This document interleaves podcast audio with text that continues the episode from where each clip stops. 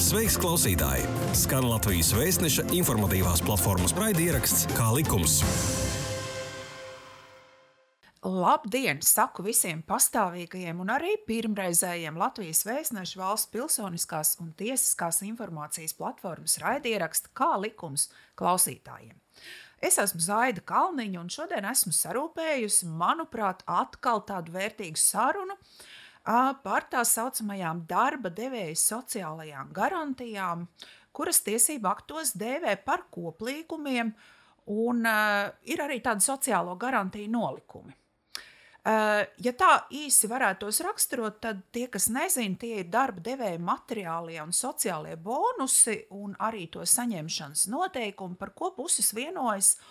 Un droši vien, ka šādi bonusi kalpo darba kolektīvu stiprināšanā, darbinieku lojalitātes veidošanā. Uh, Um, interesanti, ka vienā no mūsu pēdējiem raidierakstiem ar sarunas viesņu, mūsu zvērnāta advokāta Gitu Oškāju, pārunājām atvaļinājuma tēmas jautājumus, un šai publikācijai LV portālā izveidojās tāda diskusija, kurā lasītāji norādīja par problēmām atvaļinājuma tiesību īstenošanā. Uh, man tas, protams, radīja tādu lielu izbrīnu, jo šķita, ka lai nu kas, bet atvaļinājuma tiesības tomēr jau ir kļuvušas pašsaprotamas.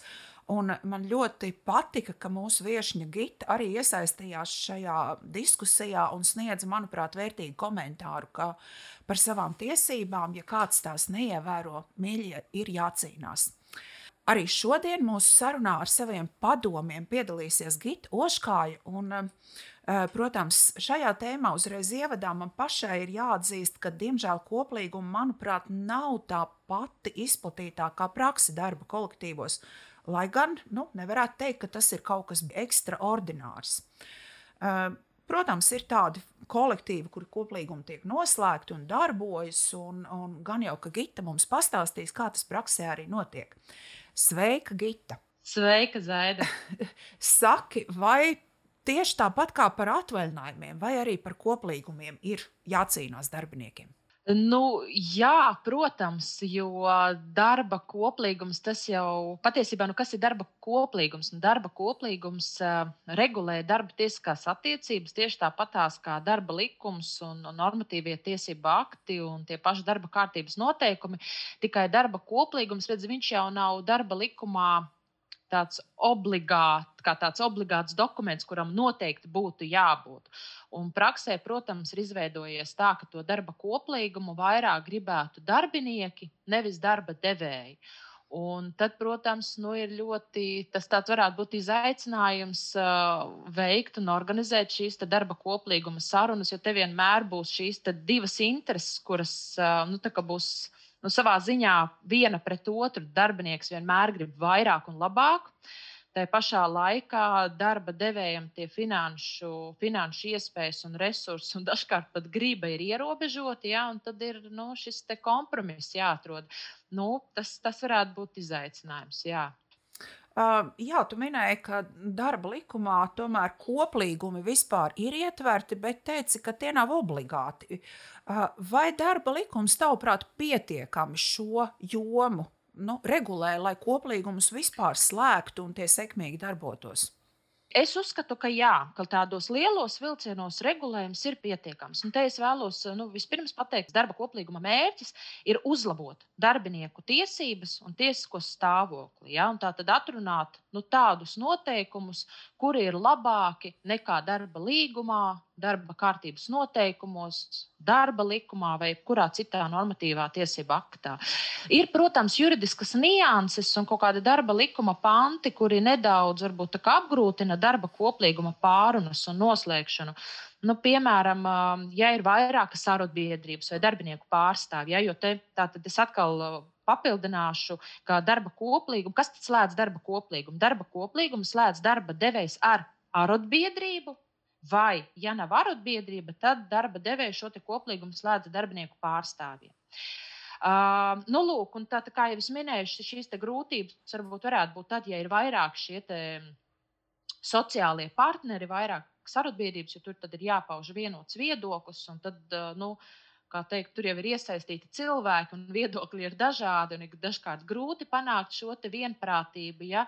Bet visādi citādi, ja ir šis saprātīgs dialogs, un savstarpēja izpratne un cieņa, un vispār griba noslēgt koplīgumu, ja? jo nu, te jau man liekas, ka arī darba devējiem vajadzētu būt ieinteresētam slēgt šo koplīgumu, jo tas, kā jau es minēju, tas mērķis ir likt justies darbiniekam labāk tad nu, patiesībā ar, tad ar darba koplīgumā noslēgšanu ir līdzīgi kā ar jebkuru citu civiltiesku līgumu. Ja? Galvenais ir gribēt, un ja jau būs gribēšana, tad jau, tad jau viņš arī tiks noslēgts, un, un, un problēmu nevajadzētu būt.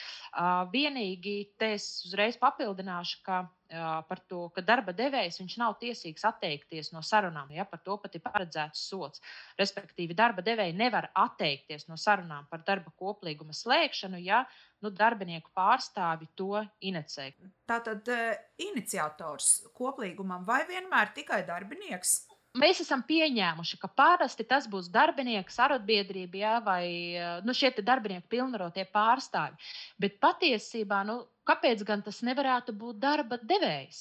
Ja, un tad viņam nevajadzētu baidīties, ja, te var parādīties kaut kāda viena, otra, trešā vai nes cik arotbiedrības, ja, ar kurām būs grūtības varbūt vienoties par šo saturu. Arī tas pats darba devējs, lai, lai, lai nodrošinātu šo darbinieku lojalitāti, lielāku piederību tam uzņēmumam, kaut kā garantētu to sociālo drošību. Jo darba koplīgums tā patiesībā tā ir tāda kā zīme par to, ka tas ir sociāli atbildīgs uzņēmums. Ja? Un tepat ir interesanti, ka es pat pagājušajā pagājušajā gadā, ja nemaldos, biju vienā uh, publisko iepirkumu konferencē, kur pat gāja runa par to, ka šajos publiskajos iepirkumos ļoti iespējams normatīvie tiesību akti varētu tikt papildināti, ka, nu, respektīvi, tiktu dota priekšroka tam pretendentam, kuram ir noslēgts darba koplīgums. Jo tas uzreiz parāda, ka tas, ka tas uzņēmums domā par tiem saviem darbiniekiem.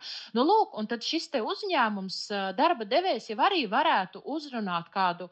Nu, Nu, man gribētos teikt, sabiedrībā varbūt tādu nu, vai atzītu, vai kādu lielāku nozares arotbiedrību, ar kuru uzsākt pārunas par šo koplīgumu. Jo no arotbiedrībām nevajadzētu baidīties. Ja? Te attiec, šīs te attiecības nu, ir jāveido gudri, bet tas pamatmērķis ir slēgt koplīgumus un vienoties kopā ar darba devējiem par labākiem noteikumiem darbiniekiem. Un patiesībā tādam jau vajadzētu būt arī darba devēja mērķim - nodrošināt labus apstākļus saviem darbiniekiem. Nu, tā lai tas darbinieks ir apmierināts un viņš vēlas palikt strādāt šajā uzņēmumā ne tikai šodien, bet arī pēc 5, 10 un 20 gadiem. Tas viss nav vienkārši. Arī procedūrālā kārtība tur ir jāievēro. Visas tās sanāksmes jāprotokolē, darbinieku pārstāvji jāievēl. Un, Un, eh, un tas viss eh, nav vienkārši pareizi. Nu, jā, jā, piekritīšu, ka, teiksim tā, protams, ka labāk, ja to koplīgumu slēdz, eh, teiksim, tāds pieredzējis darbinieku pārstāvs ar to pieredzētību. Es gribētu domāt ar arotbiedrību, kurai ir pieredze darba koplīguma slēgšanā, jo tāds nezinātājs viņš var mazliet apjukt tajos darba likuma pantos, kas tad īsti ir jādara un kāda ir kārtība un kurš tad inecē. Uh, ja tu, ja to, nu, tas patiesībā nu, kā ar jebkuru lietu vai ne, ar jebkuru procesu, ja tu viņu zini, pārzini, tad nekas sarežģīts tur nav. Uh, Bet, kā jau es minēju, nezinātājs, kurš pirmo reizi ar to saskarās, tad, nu, protams, ka būs vēlme pēc kaut kādas konsultācijas, atbalsta vai palīdzības. Uh, bet nu, kāds ir tas pirmais solis? Darbinieki, piemēram, nu, ok, viņiem varbūt tā arotbiedrība tikko nodibinās, vai arī viņiem ir šie pārstāvi ievēlēti. Kā viņi to varētu uzsākt darīt? Kas ir tas pirmais? Rakstveidā, mutiski, iet visiem barā pie darba devēja. Nu, kā tas varētu notikt? Tā, tā, nu, tā tad sāksim ar to, ka parasti ir kāds, kas inicē pārunas par darba koplīgumu. Un parasti, protams, tā ir arotbiedrība vai darbinieki. Un šis procesam, jā, tā ir tāpat inicēšanai, viņai jānotiek rakstveidā.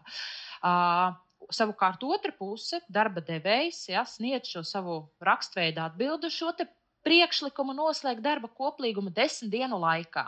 Un pēc tam jau puses rīkos sarunas, vienojas par to koplīguma projekta izstrādāšanas, apspriešanas kārtību. Ja, tur var pieaicināt dažādus speciālistus, ja, piemēram, par to pašu darba aizsardzību, ja, jo darba koplīgumā jau var ietvert arī darba aizsardzības organizācijas noteikumus. Var kaut kādas darba grupas organizēt, nu, respektīvi vienoties par šo saturu. Var, protams, būt arī tā, ka kāda puse jau ir sagatavojusi darba koplīguma projektu. Ja, kurš ir nevis kaut kāds tipveida paraugs, atrasts interneta dzīvēs, ja, bet pielāgots jau konkrētā uzņēmuma specifikai un darbinieku vajadzībām. Tas patiesībā to es uh, izmantošu izdevību un gribēšu pateikt, ka attiecībā uz tiem tipveida līgumiem, ja kaut kādiem paraugiem, no viņiem vispār vajadzētu izvairīties. Ja, jo, jo, jo līgums tomēr tiek pielāgots konkrētai situācijai. Tieši tāpat arī darba koplīgums. Nu, lūk, un, ja ir sagatavots šis darba koplīgums, viena puse viņu ir sagatavojusi un iesniedz otrai pusē, nu, tad otra puse arī sniedz savu atbildi viena mēneša laikā. Arī pašiem darbiniekiem, ja tik līdz viņi uzzina un ir informēti par šo procesu, viņi arī var iesniegt savus priekšlikumus, un tad attiecīgi abām pusēm, kas slēdz to koplīgumu, darba devējs un arotbiedrība vai tie pilnvarotie pārstāvji, nu, viņi šos priekšlikumus apsver un pārunā.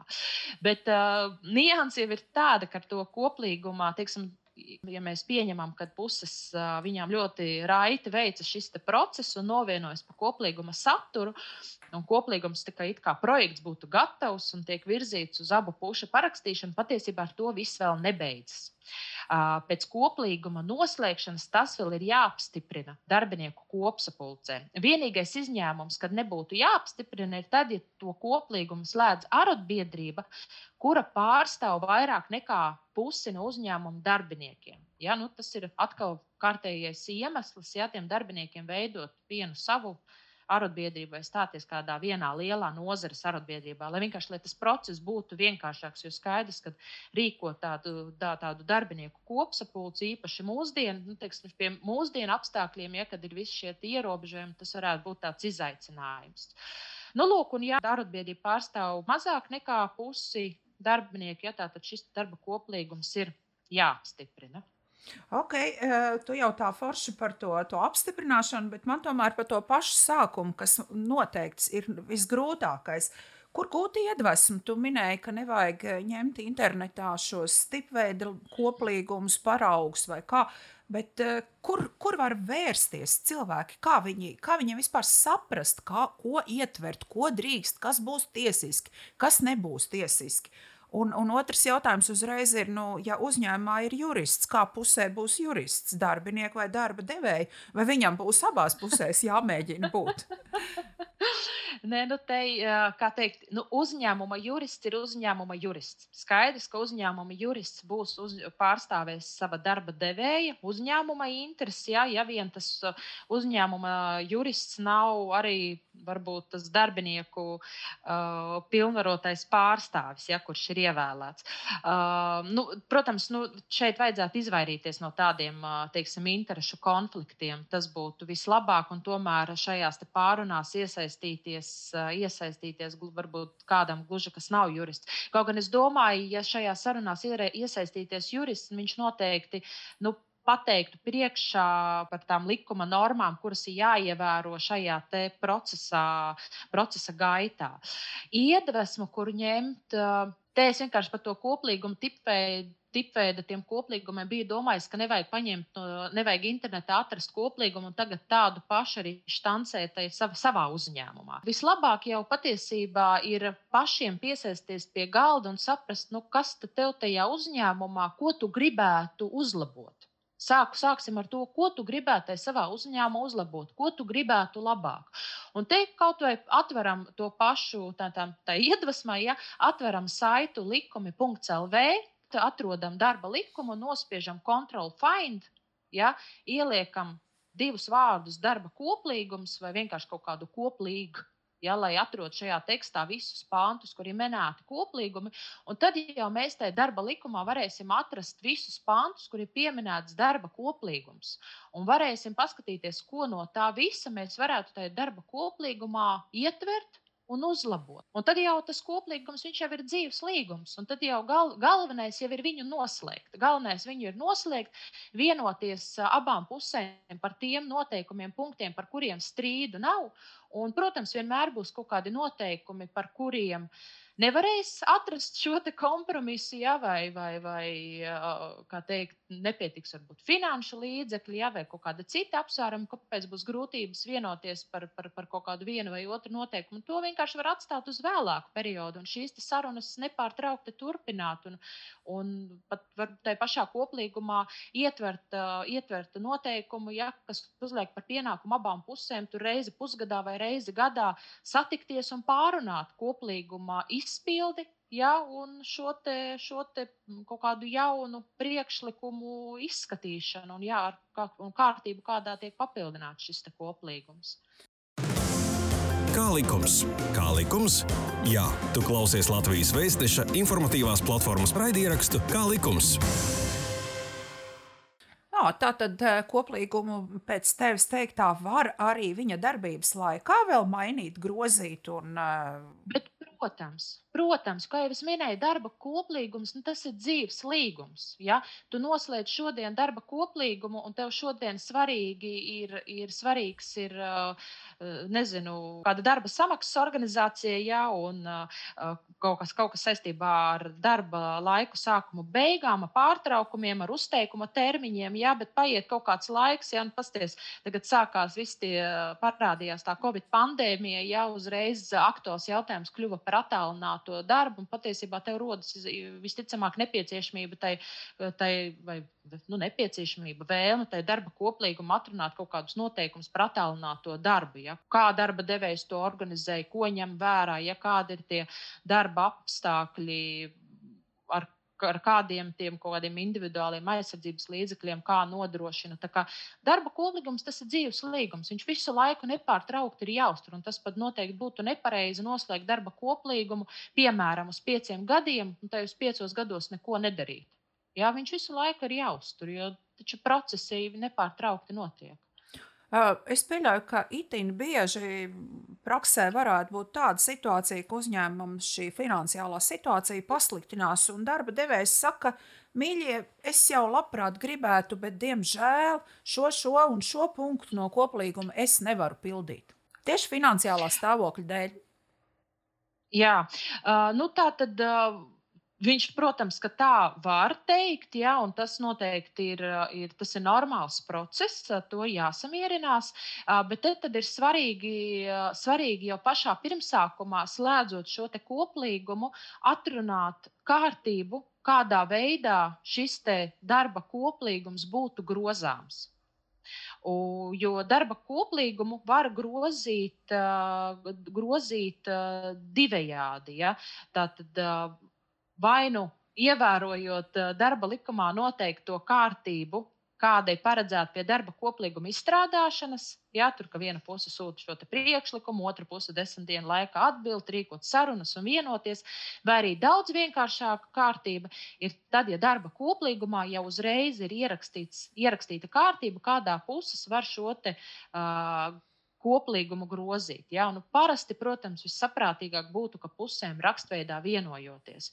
Ja? Jo vajadzētu tiešām atturēties no tādu noteikumu ietveršanas darba koplīguma, atbilstoši kuriem viena puse varētu ar kaut kādu vienpersonisku paziņojumu, uzteikumu, ja, atkāpties no kaut kādu atsevišķu punktu noteikumu pildīšanas. Varbūt var ar kādiem piemēriem nokomentēt darba likuma sesto pantu.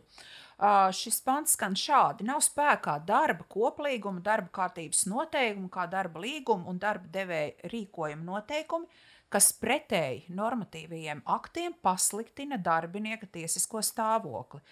Uh, nav spēkā darba līguma noteikumi, kas pretēji darba koplīgumam pasliktina darbinieka tiesisko stāvokli. Uh, ko tas Jā. nozīmē?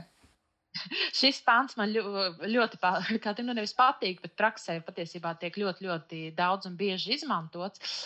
Tātad šeit šis sesto pantu mēs sadalīsim divās daļās. Ja, jo pirmais teikums, ko tu lasīji, tā bija sastāvā panta pirmā daļa, un otrais teikums bija sastāvā panta otrā daļa. Tātad, kas attiecas uz to pirmo daļu, tad nav spēkā darba koplīguma noteikumi, kas pretēji normatīvajiem aktiem pasliktina darbinieku tiesisko stāvokli. Nu, saīsinot viņu. Ja? Tātad, de, tātad idejiski darba likumā un visos citos normatīvos tiesību aktos ir noteikts kaut kāds minimālais garantiju līmenis. Ja?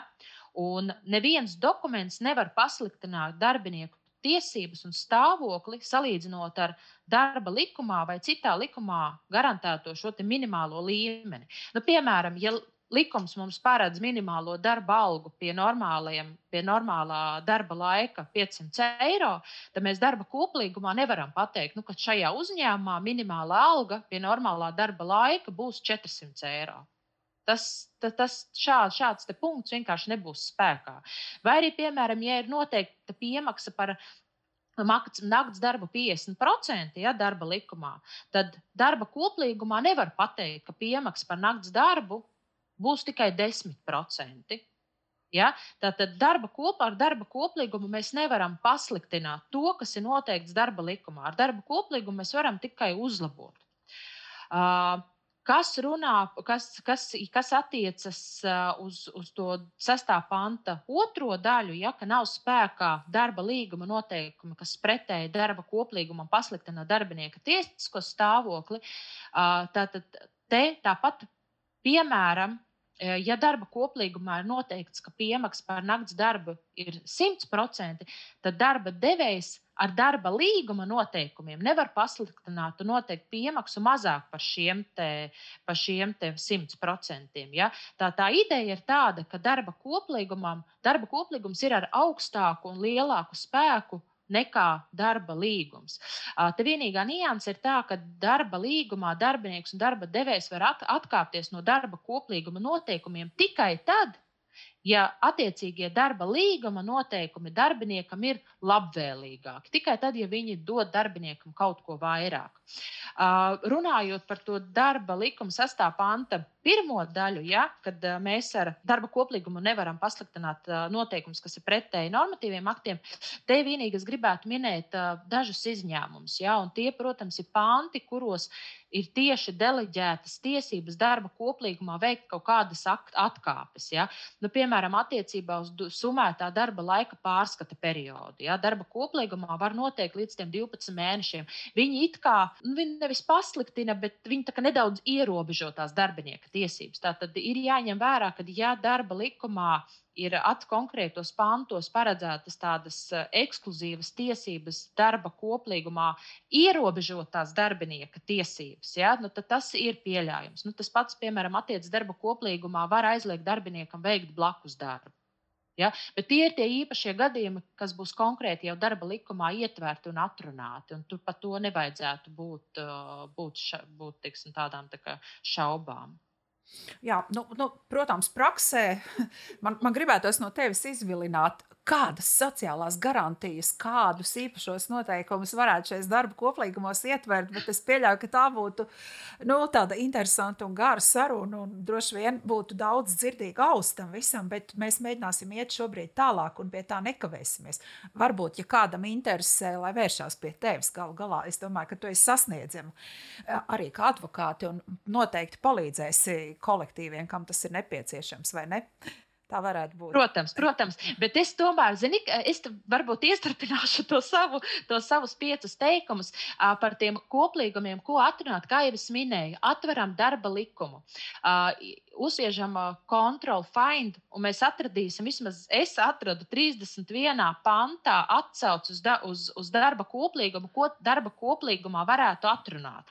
Bet, piemēram, par tādiem labajiem prakses piemēriem, ja, uh, Te es uzreiz gribu teikt, ka, ka nav nekur tāds izsmeļošs uzskaitījums, un viss ir atkarīgs no tā, kādā uzņēmumā strādā, kādas ir uzņēmuma iespējas un kas tiem darbiniekiem ir svarīgi un ko viņi vēlētos. Tie, sākot ar to pašu rēdināšanas izdevumu apmaksu, apmaksātām pusdienām, nu, tās pašas apmaksātas papildus brīvdienas, pabalsti bērnu piedzimšanas gadījumā, pabalsts bērnu pirmajā skolas dienā.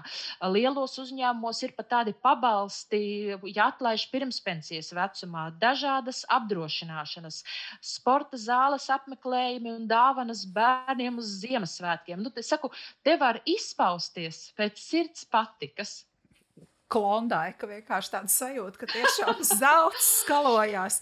Uh, bet uh, parunāsim tagad varbūt par to otru pusi. Ok, ir šāds eh, koplīgums, bet kā ir ar tiem strīdiem? Interešu vispār Jā. viņi ir izplatīti vai, vai kā un par ko parasti?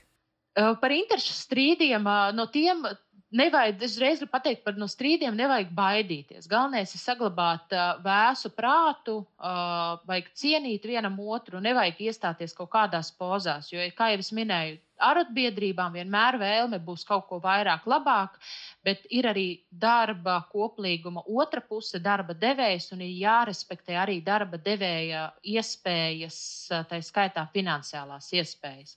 Uh, Par uh, interešu strīdiem tad ir divi veidi strīdi. Ja? Ir kolektīvie interešu strīdi un ir kolektīvie tiesību strīdi.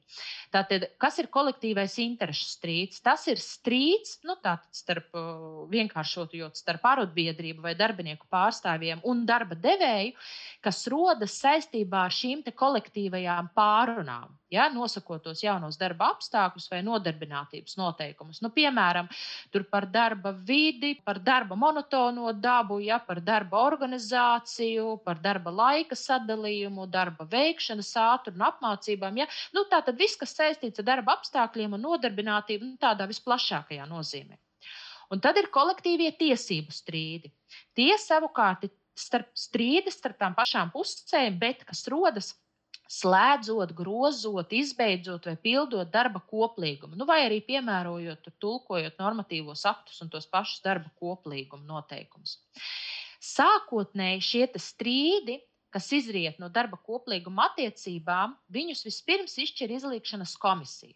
Izlīkšanas komisiju to izveido tās pašas koplīguma puses un uh, no savas puses pilnvarojot vienādā skaitā savus pārstāvjus. Un tā ir tāda, tāda paplašināta darba grupa, ja, uh, kur nu, izskata šo strīdu un mēģina vienoties. Ja, jo te es vēlos vērst uzmanību, ka tik tālu, cik tālu tas ir saistīts ar darba koplīguma nu, izpildi ja, un skar šīs kolektīvās pārunas. Uh, vienmēr ir jāmēģina vienoties, ja, jo šī vienošanās nodrošinās to, ka šīs pārunas arī nākotnē būs tādas nu, normālas, un saprātīgas un cieņpilnas. Ja? Jo tajā brīdī, kad tu vairs nespēji vienoties, nu, tā principā ir problēma.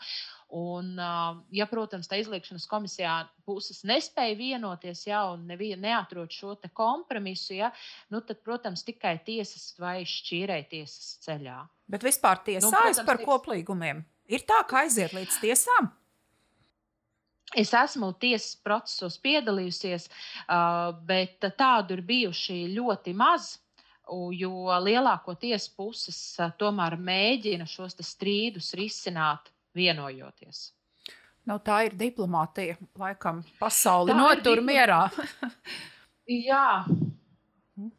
Uh, starp citu, Gita, koplīgums vai sociālo garantiju nolikums - tā ir alternatīva. Manuprāt, vieglāk noslēdzams ir sociālo garantiju nolikums uzņēmumā kā koplīgums. Ir tā, vai es kļūdos? Jā, nu savā ziņā, protams, ka tā ir. Jo kas ir darba koplīgums? Ja? Darba koplīgums tas ir uh, līgums, ko slēdz divas puses. Ja, un līgums, par kura saturu tev ir jāvienojas, ja, jāpanāk vienošanās starp abām pusēm. Viņš ir ne tikai jāparaksta, viņš arī iespējams pie noteikiem apstākļiem ir jāapstiprina. Uh, šis sociālo garantiju nolikums, ja kā tu minēji, nu tas, uh, tas ir tāds darba devēja iekšēji izstrādāts uh, dokuments, ja, kurš, kur, kuru izstrādājot, ir jākonsultējas ar darbinieku pārstāvjiem vai arotbiedrību, ja uzņēmumā tāds ir. Bet tā ideja ir tāda, ka nu, tas gala vārds, protams, pieder darba devējiem. Līdz ar to, ja nav šis darba koplīgums, tad patiesībā gandrīz visus noteikumus, tik tālu, cik tālu tie uzlabo darbinieka tiesības un stāvokli, var noteikt jebkurā citā uzņēmuma iekšējā dokumentā. Ja? Un tas no tie nosaukumi viņi jau var būt visdažādākie. Tas var būt tas pats darba kārtības noteikumi, sociālā labuma politikas, garantija nolikumi. Ja? Nu, tad, tad uzņēmumi viņus sauc pēc sirds patikas. Jo, jo darba likuma 55. panta otrajā daļā viņi jau noteica, ka ja vien tas nav ietverts darba koplīgumā, tad noteikums par darba kārtību var ietvert darba kārtības noteikumos. Un šajā kontekstā es darba kārtības noteikumus tulkotu paplašināti. Un ar to saprastu jebkuru darba devēja iekšēju dokumentu, un nav svarīgi, kā viņu sauc. Ja? Vai tie ir tie paši darba kārtības noteikumi, labumu bonusu noteikumi un tam līdzīgi. Uh, nu, jā. Līdz ar to izstrādājot darba kārtības noteikumus vai kādu labumu bonusu nolikumu, darba devējiem ir tikai jākonsultējas. Ja? Nav šis, te, nav šis te vienošanās aspekts. Bet nu, parasti tomēr ievēroja ja, šie darbinieku pārstāvji visos kolektīvos pēc, pēc likumdošanas tiek ievēlēti. Un, un, un faktiski šī konsultēšanās ar darbinieku pārstāvjiem būtībā tā jau arī to var uzskatīt tādu kā darba devēja labo žestu, ka faktiski tāds nolikums tiek izstrādāts un, un konsultēšanās notiek. Jā. Uh. Te, nē, te, es, te es gribētu gan minēt, ka tādiem darbinieku pilnvarotiem pārstāvjiem nav obligāti jābūt uzņēmumā. Ja? Viņi var arī nebūt ievēlēti. Tā ir principā tāda darbinieku pašorganizācija, vai viņi no sava vidus vēlas izvirzīt kādu aktīvu pārstāvi, ja pilnvaroto pārstāvi, kas iet pie darba devēja, kurš vispār nu, ir gatavs runāt. Ja, jo tā ir ne tikai liela atbildība, bet arī tāda uzņemšanās, apņemšanās un uh, griba to darīt. Ja, jo tomēr ir jārēķinās, nu, ka praksē, protams, uh, nu, ir dažādi darba devēji un, un uh, teiksim, tādiem žēl. Nu, parasti darba devēji labāk tādus pārstāvjus un arotbiedrības redz ejam nekā nākam. Nu, tā ir prakse, tā ir, tā ir realitāte. Līdz ar to, kā teikt, tāpēc, nu, tas ir vēl viens kārtējais teiksim, iemesls, kāpēc tomēr, ja darbinieki vēlas kaut kā uzlabot savu tiesisko stāvokli, labāk ir ies, veidot savu arotbiedrību vai iestāties kādā vienā lielā arotbiedrībā, ja kurā ir personāls, kurā ir profesionāli speciālisti, ja, kuri var uzsākt, palīdzēt šīs pārunas, risināt problēmas, nekā pašiem varbūt no sava vidus nu, pilnvarot kādu pārstāvi. Jo, nu, viņš joprojām būs pakļautībā esošs darbinieks, ja, un nu, problēmas var rasties. Kā šobrīd ir ar koplīgumiem? Tie ir eh, būtībā kļuvuši populārāki, izplatītāki kolektīvos, vai gluži otrādi gājas mazumā? Ir? Darba koplīguma slēgšana, nu, tā visbiežāk populāri ir valsts un pašvaldību iestādēs un uzņēmumos, kā arī tādos nu, lielos uzņēmumos. Ja? Nu, te kā piemēru var minēt uh, Latvijas dzelzceļa koncernu, ja? Latvenergo, tas pats uh, veikalu, veikalu tīkls uh, Rīmī, ja? viņiem ir noslēgti koplīgumi.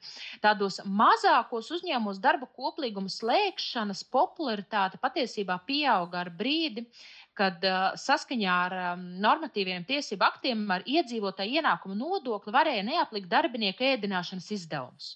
Bet, diemžēl, bija novērojama šī tendence, ka šajos koplīgumos, diemžēl, neatrunāja visus un daudzus citus darbiniekiem nozīmīgus nosacījumus. Ja? Piemēram, par tiem pašiem papildu atvaļinājumiem, par ko mēs runājām iepriekšējā raidierakstā. Līdz ar to darba koplīguma esamība savā ziņā ir rādītājs tam, ka uzņēmums ir sociāli atbildīgs un rūpējas par saviem darbiniekiem. Un, lai cik banāli tas skan, jebkura uzņēmuma lielākā vērtība patiesībā ir darbinieki. Un, Tepat varētu teikt, ka tas pat varbūt ir sekundārs, sekundārs jautājums, vai tas ir darba koplīgums vai šis sociālo labumu garantiju nolikums. Ja? Tāda esamība noteikti būtu apsveicama ikvienā uzņēmumā. Mums īstenībā laiks iztek. Gribētos pajautāt tādu interesantu lietu par, par šo nolikumu vai koplīgumu termiņiem. Vai tie var būt bez termiņa? Nu, taču ne, vai ne? Viņus var teikt, tātad, nu, par ko mēs runājam? Mēs tagad runājam par darba koplīgumiem vai par tiem Abiem sociālo diviem. garantiju nolikumiem. Abiem. Tātad tie ir divi dažādi noteikumi. Darba koplīgumā patiesībā puses viņām pašām vajadzētu vienoties par šo te termiņu, uz kādu slēdz šo darba koplīgumu. Kas attiecas uz sociālo garantiju nolikumu, ja vai bonusu un, un garantiju notikumu, saka, tas nosaukums katrā uzņēmumā būs atšķirīgs. Tātad nu, tur tas termiņš var būt noteikts un var arī nebūt noteikts. Bet, kā jau mēs runājām iepriekš, šajā, šis sociālo garantiju nolikums ir darba devēja nu, vienpar, vienpusēji izstrādāts dokuments, ja, par kura saturu viņš konsultējas ar pārstāvjiem, ja tāda ir ievēlēta, vai ar arotbiedrību, ja tāda uzņēmumā ir. Uh, bet uh, tā kā tas ir vienpusēji sagatavots dokuments, tad patiesībā darba devējs ir tiesīgs nu, arī uh, vienpusēji pieņemt lēmumu par šāda nolikuma atcelšanu vai grozīšanu. Un, protams, par to viņam arī būtu jāvienojas ar tiem pārstāvjiem vai arotbiedrību, ja tādas ir. Bet, jebkurā gadījumā, ja tiek kāds noteikums grozīts vai atcelts, to, protams, nevarētu izdarīt ar atpakaļejošu spēku.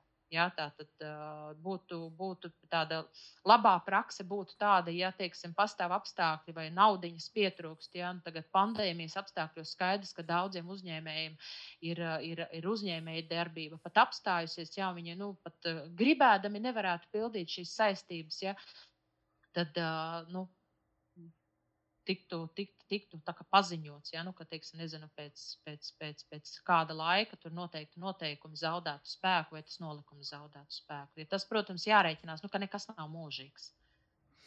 Jā. Tas ir tā, tā ir tā atšķirība ar to, ar, ar to koplīgumu. Ja, jo patiesībā koplīgumā, uh, koplīgumā, uh, koplīguma noteikumi ir spēkā līdz jauna darba koplīguma noslēgšanai.